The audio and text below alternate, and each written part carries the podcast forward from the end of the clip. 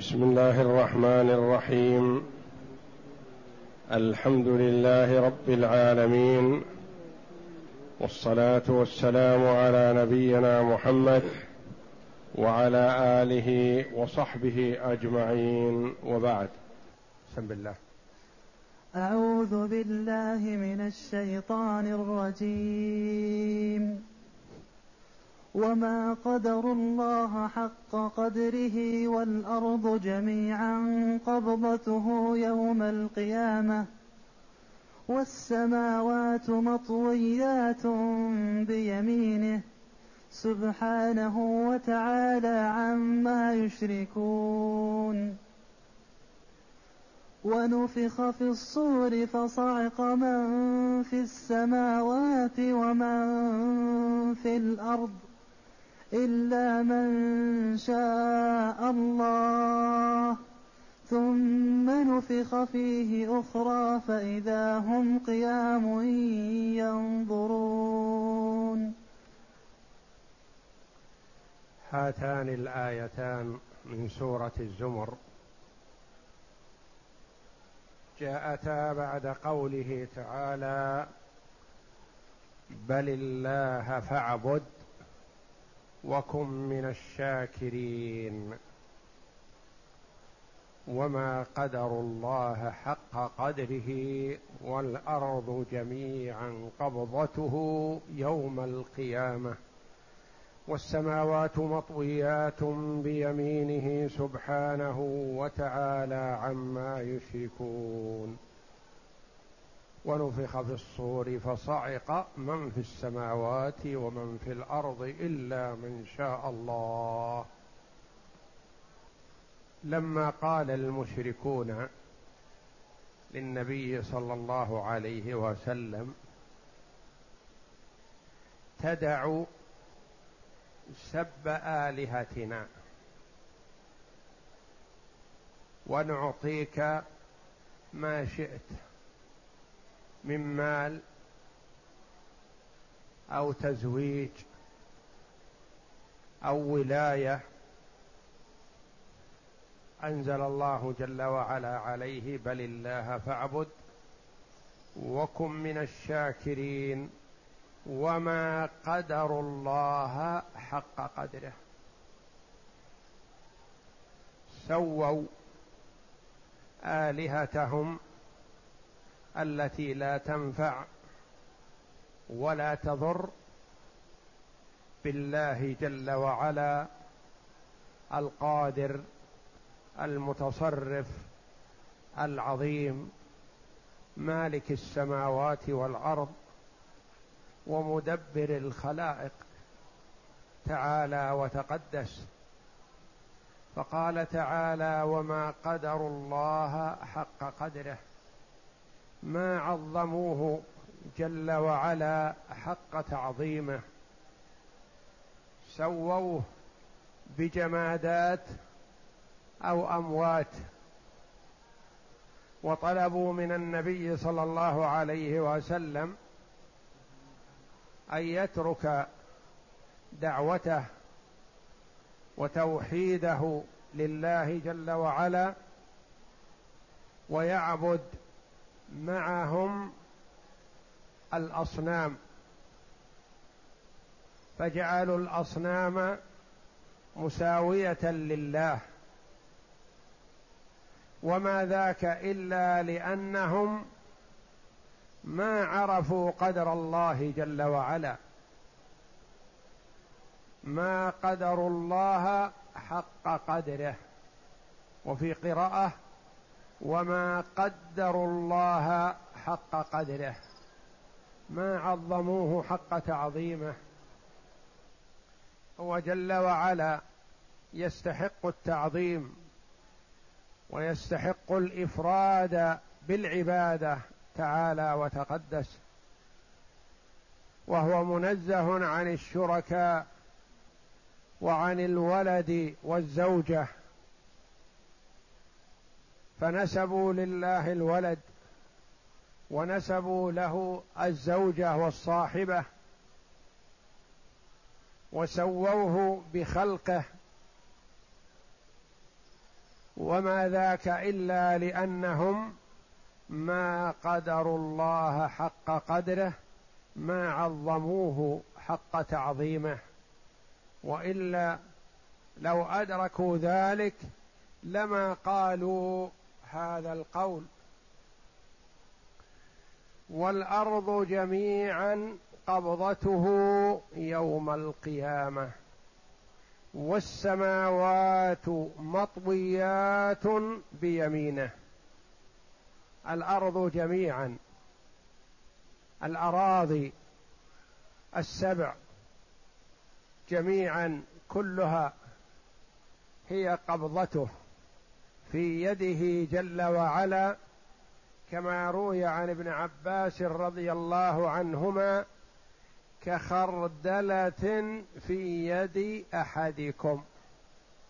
السماوات السبع والأراضين السبع ومن فيهما في يد الرحمن جل وعلا كخردلة. في يد عبد من عباد الله.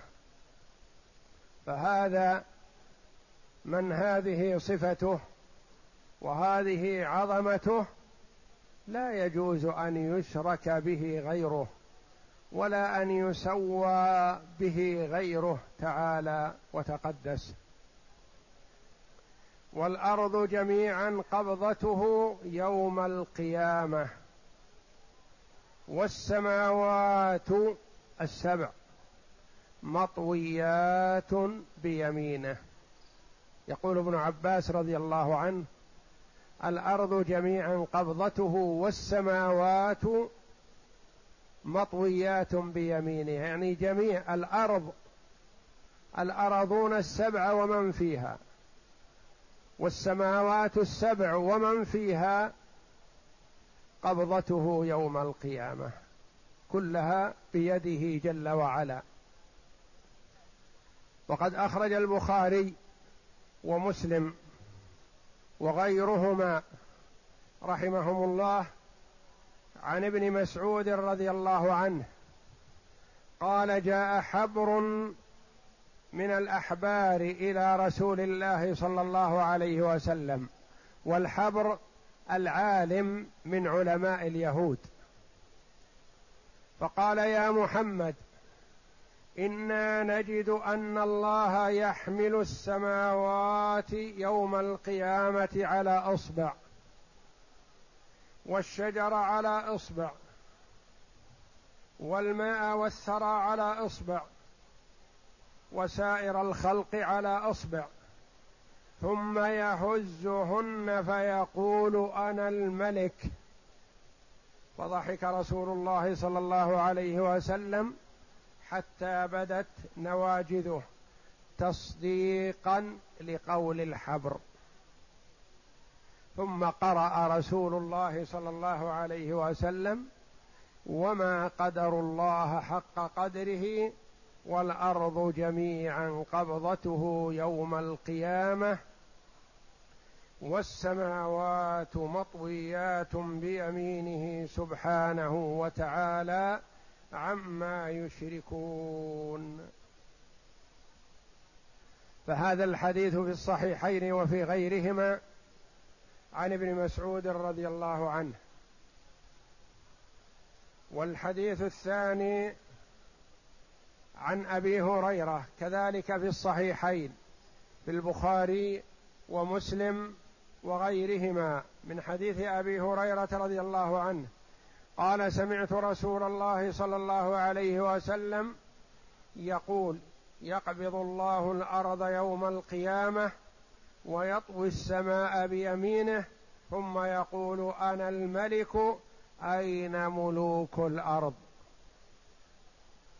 والحديث الثالث عن ابن عمر رضي الله عنهما كذلك هو في الصحيحين وفي غيرهما قال سمعت رسول الله صلى الله عليه وسلم يقول يطوي الله يطوي الله السماوات يوم القيامة ثم يأخذهن بيده اليمنى ثم يقول أنا الملك أين الجبارون أين المتكبرون أين ملوك الأرض فهذه الأحاديث الثلاثة ثابتة في الصحيحين وفي غيرهما.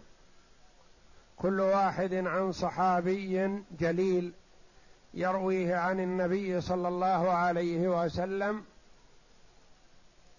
فهي ثابتة لا إشكال فيها. وبعض المفسرين رحمهم الله تأول هذه الآية على غير ما هو دال عليه لفظها. وهذه الأحاديث الثابتة مبينة مثبتة لما دل عليه ظاهر الآية. وكما قال سفيان بن عيينة رحمه الله كل ما وصف الله به نفسه في كتابه فتفسيره تلاوته والسكوت عنه.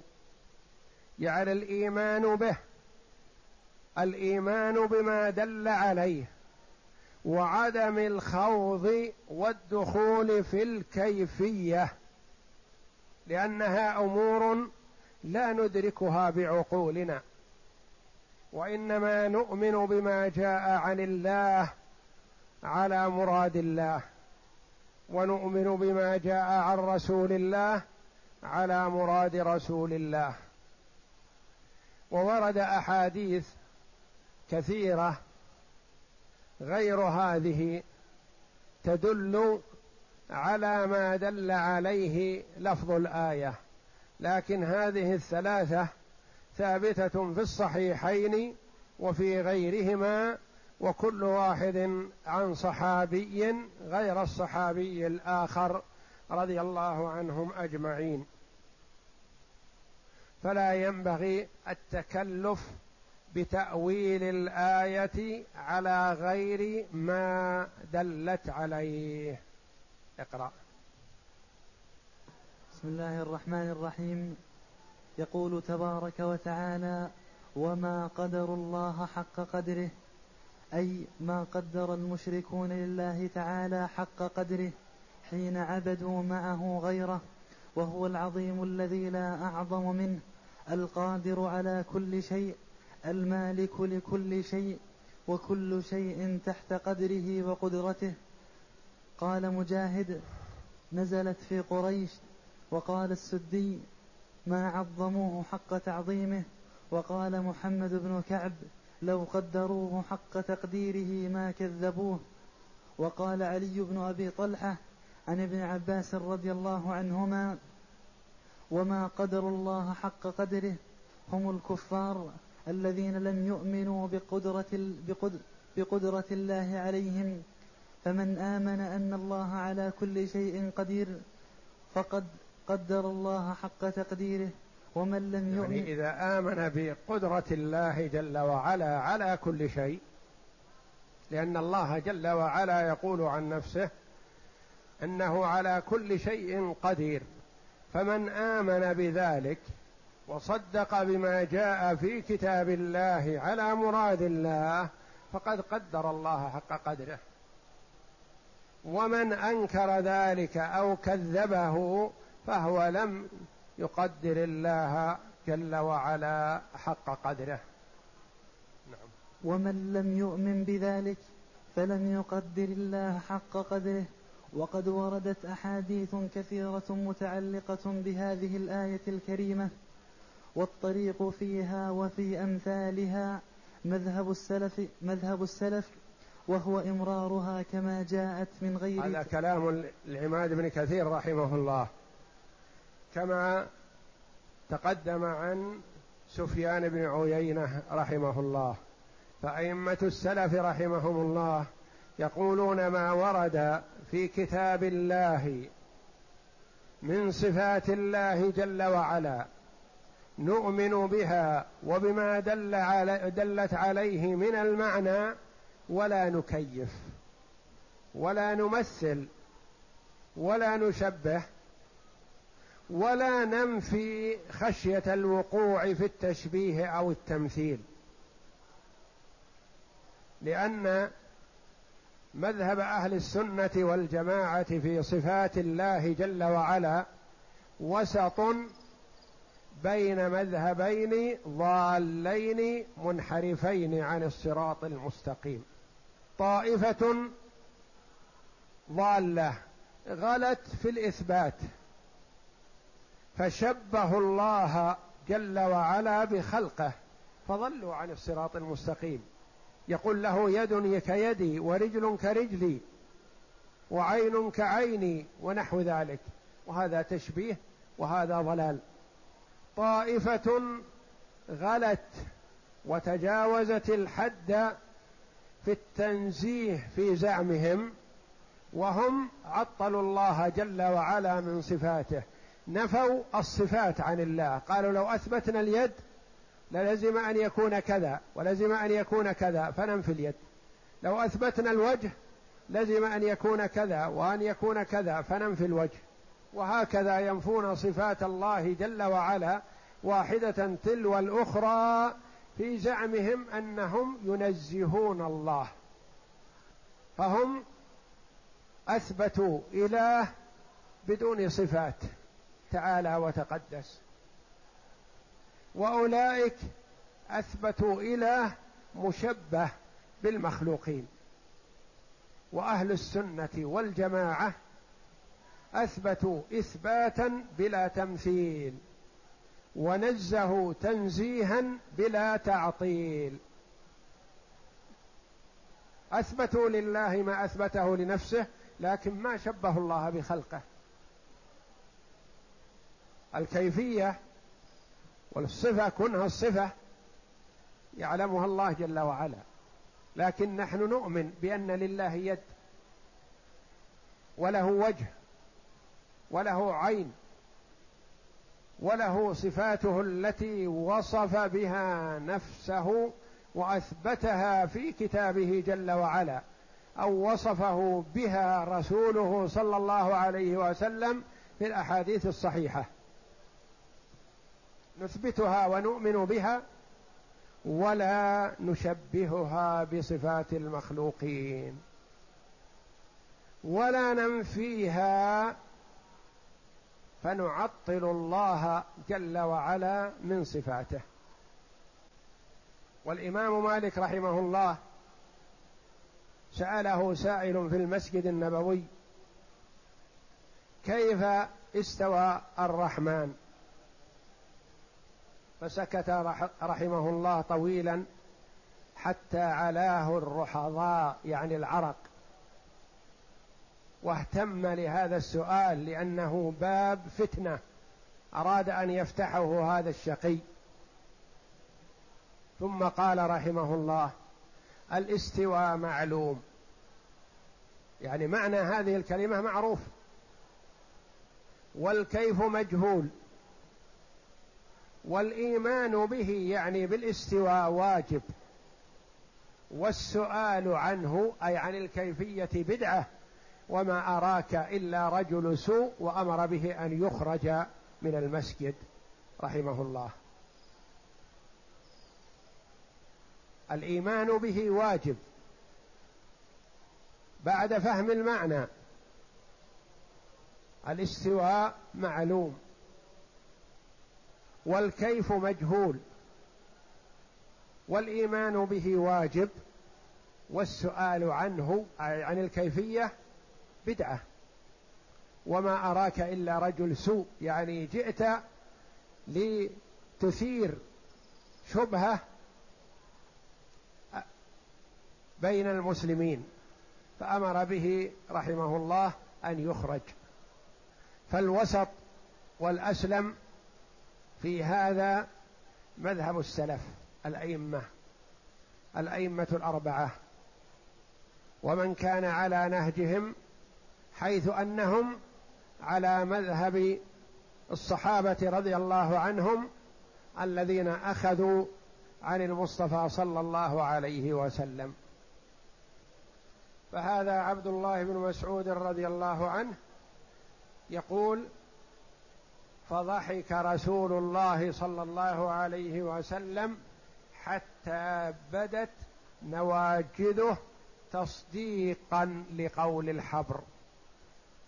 هذا فهم عالم من علماء الصحابة رضي الله عنهم أثنى عليه النبي صلى الله عليه وسلم بأنه ملئ علما. ثم يأتي بعد ذلك أناس قالوا إن النبي صلى الله عليه وسلم ضحك استنكارا لقول الحبر.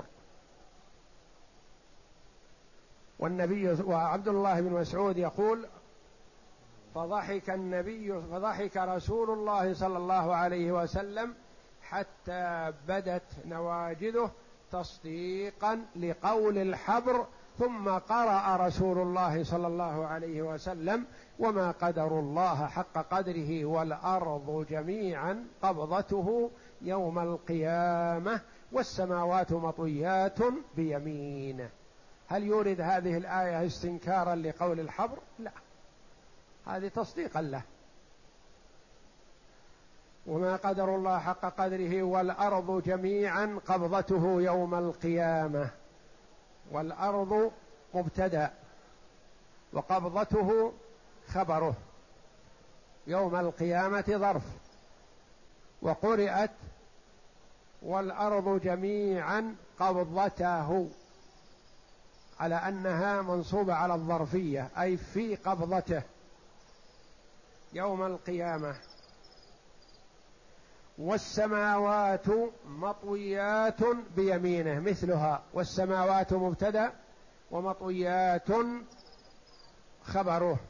وقرئ والسماوات مطويات على أنها حال وبيمينه هي الخبر.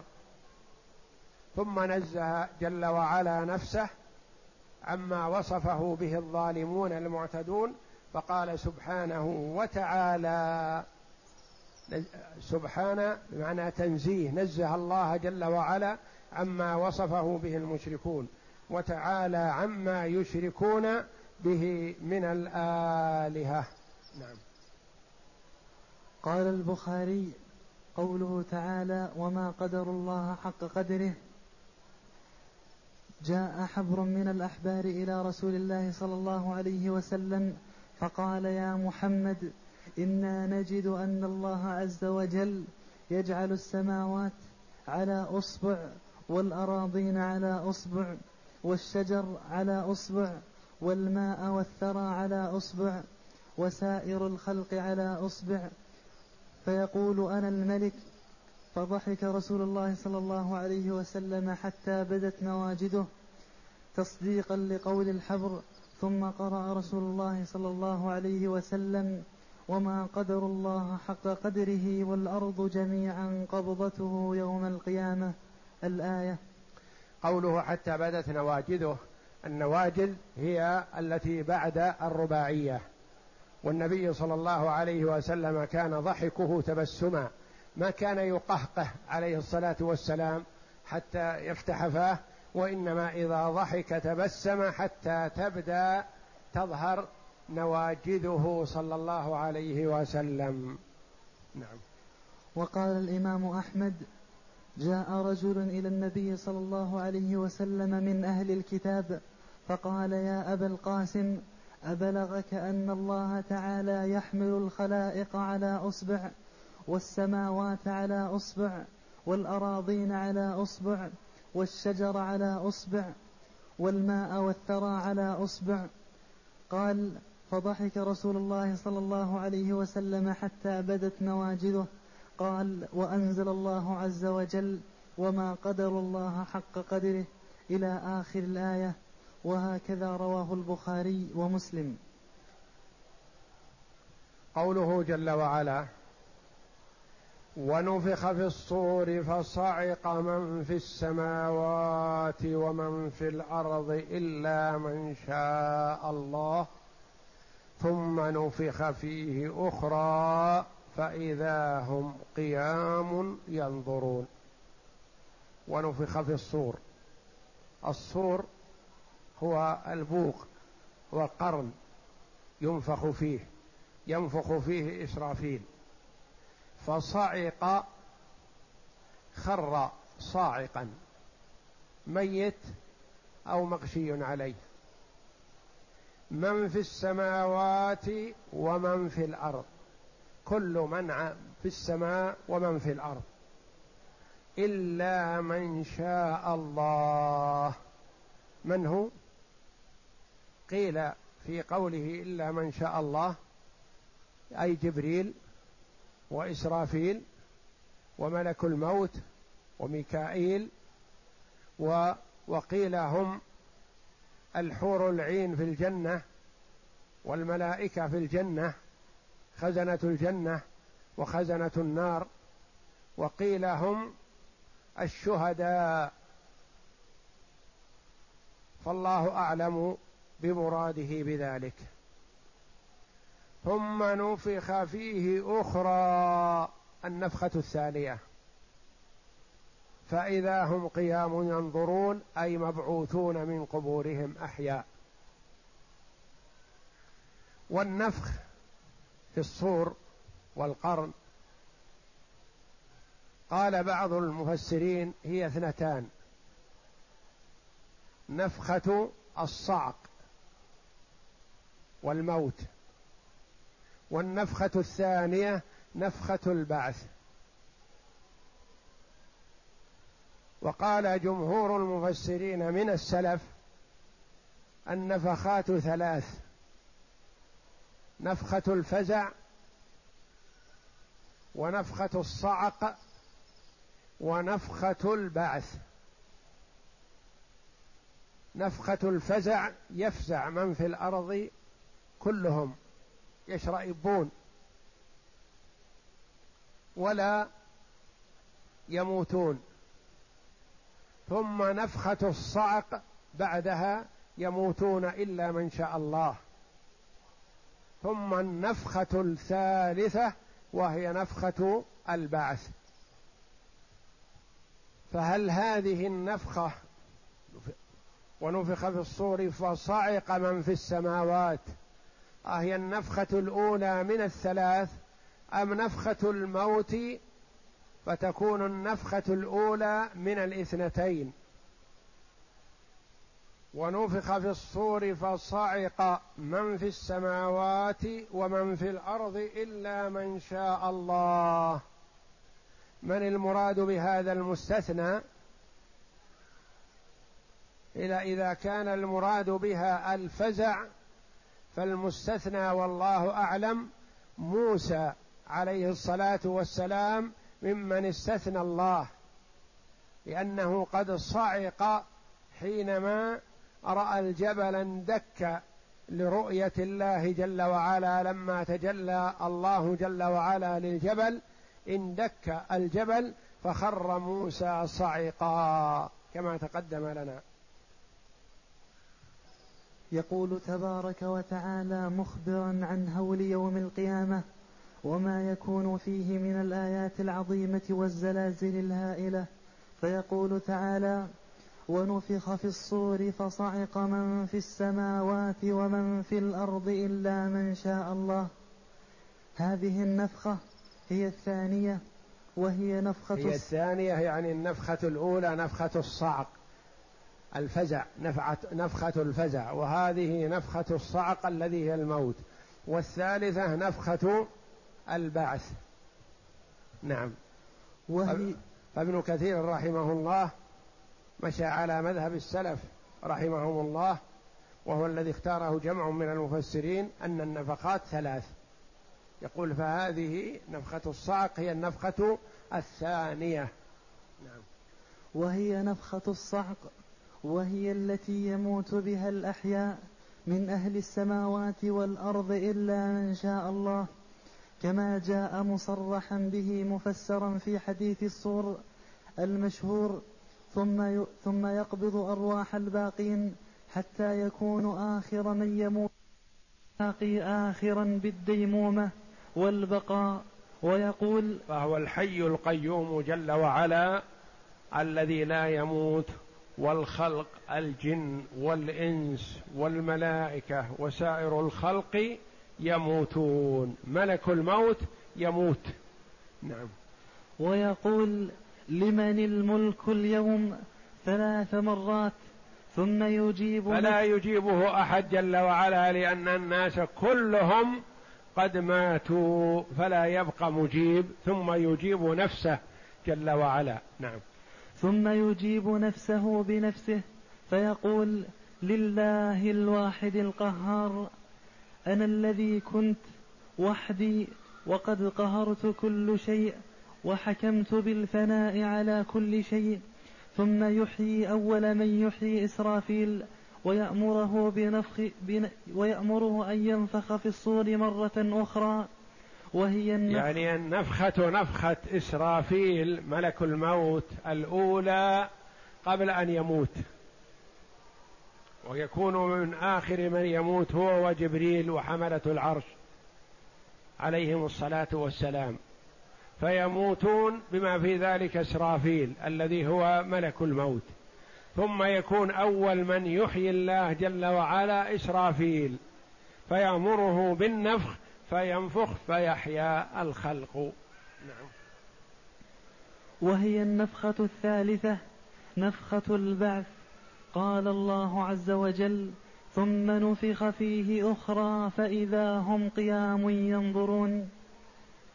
أي لأن الله جل وعلا ورد بين النفختين أربعين كما في حديث أبي هريرة رضي الله عنه.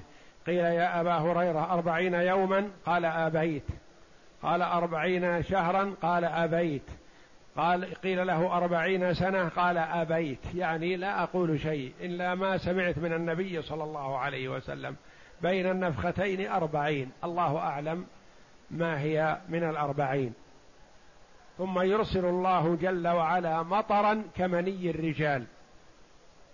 فينزل في الأرض فتنبت الأجسام لأن الأجسام قد فنيت تماما.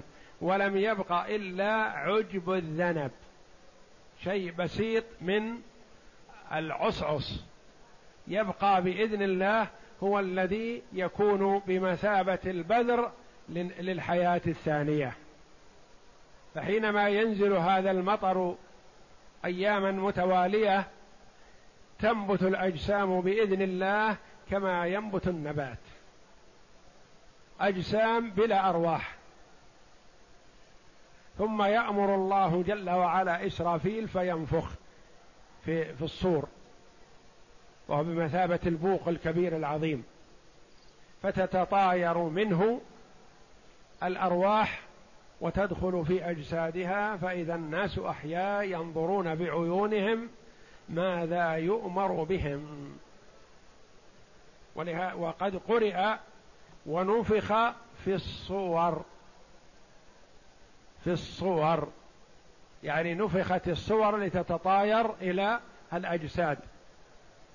جمع صورة ونفخ في الصور الذي هو البوق والقراءة الأخرى ونفخ في الصور جمع أي نفخت الصور لتتطاير إلى أرواحها إلى أجسادها. نعم. قال الله عز وجل ثم نفخ فيه أخرى فإذا هم قيام ينظرون. أي أحياء بعدما كانوا عظاما ورفاتا صاروا أحياء ينظرون إلى أهوال يوم القيامة كما قال تعالى فإنما هي زجرة واحدة فإذا هم بالساهرة.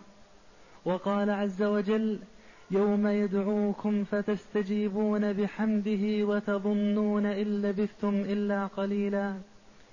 وقال جل وعلا ومن آياته أن تقوم السماء والأرض بأمره ثم إذا دعاكم دعوة من الأرض إذا أنتم تخرجون. تخرجون.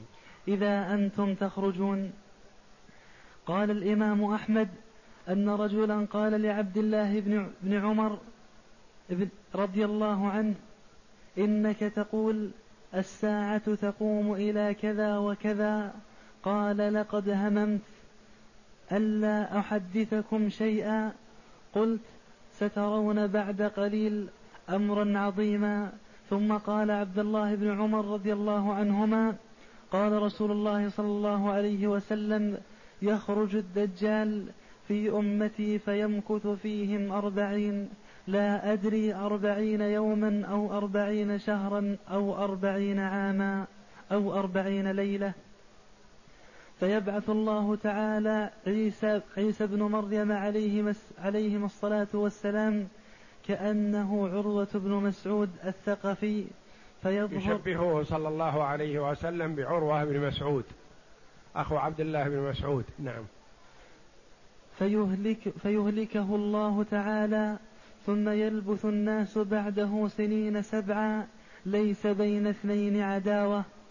ثم يرسل الله تعالى ريحا باردة من قبل, من قبل الشام فلا, يب فلا يبقى أحد في قلبه مثقال ذرة من إيمان إلا قبضته. حتى أن لو كان أحدهم كان في كبد جبل جبل لدخلت عليه يعني تأتي هذه الريح إلى كل مؤمن ومؤمنة فتقبض روحه بأمر الله جل وعلا.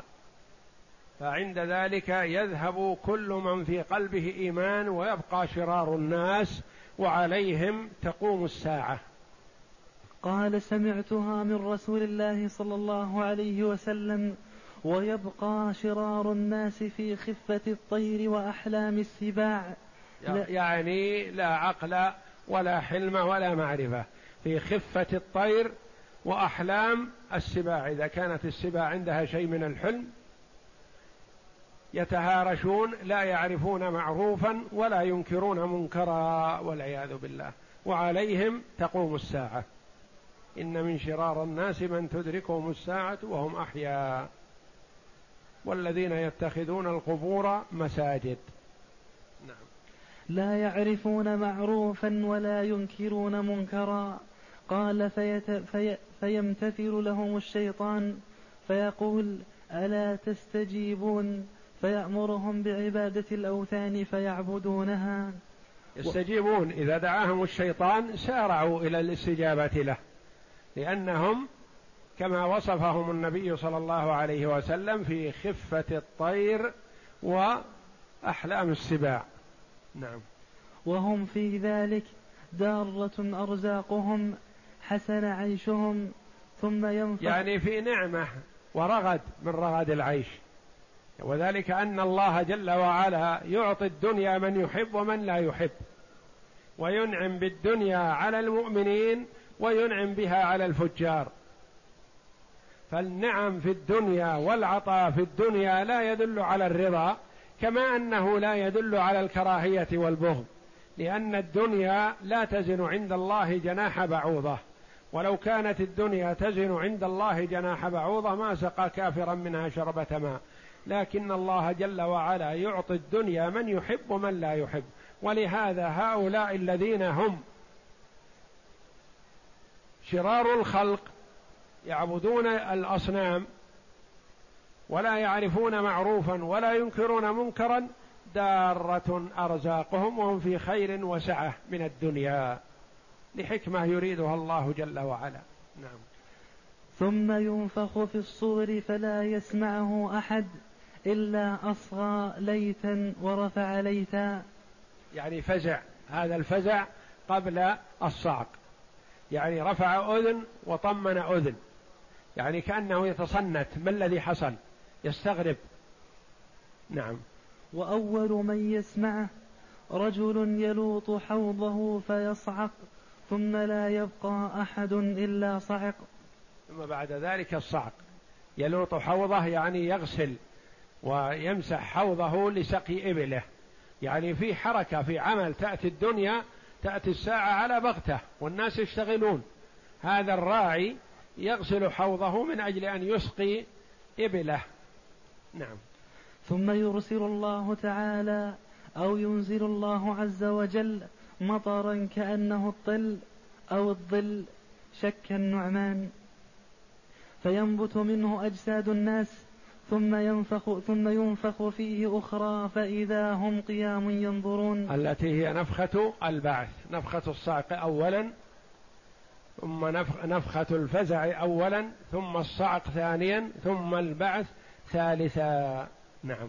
ثم يقال أيها الناس هلموا إلى ربكم وقفوهم إنهم مسؤولون. قال ثم يقال أخرجوا بعث النار فيقال كم؟ فيقال من كل ألف تسعمائة وتسعة وتسعين نف وتسعين. بعث النار من كل ألف تسعمائة. وتسعة وتسعون شخصا إلى النار وواحد إلى الجنة. لما سمع ذلك الصحابة رضي الله عنهم غطوا بالبكاء. من هذا الواحد يا رسول الله؟ قالوا من هذا الواحد من الألف؟ فبشرهم النبي صلى الله عليه وسلم بأن فيه من الأمم الشيء الكثير من يبلغ هذا العدد ويكون تكون أمة محمد صلى الله عليه وسلم نصف أهل الجنة ثلثي أهل الجنة وكما ورد أنهم الكثير من أهل الجنة والحمد لله.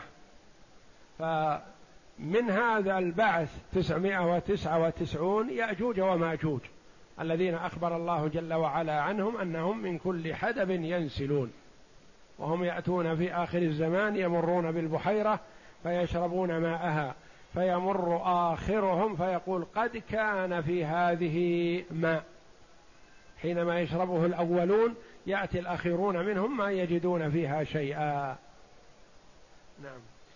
فيومئذ تبعث الولدان شيبا ويومئذ يكشف عن ساق. انفرد بإخراجه مسلم في صحيحه. وحديث أبو هريرة رضي الله عنه وقال البخاري أن أبا هريرة رضي الله تعالى عنه يحدث عن النبي صلى الله عليه وسلم وقال ما بين النفختين أربعون؟ قالوا يا أبا هريرة أربعون يوما. قال رضي الله رضي الله تعالى عنه أبيت؟ قالوا أربعين سنة. قال أبيت؟ قالوا أربعين شهرا. قال أبيت؟ ويبلى كل شيء من الإنسان إلا عجب ذنبه فيه يركب الخلق. يركب الخلق يعني يكون كحبة النبات الذي ينبت فيه الإنسان بإذن الله وهو شيء ربما لا يرى إلا بالمجهر الشديد القوي يعني لا يدرك بالنظر هذا الذي يبقى بإذن الله. والله أعلم. وصلى الله وسلم وبارك على عبده ورسول نبينا محمد وعلى آله وصحبه أجمعين.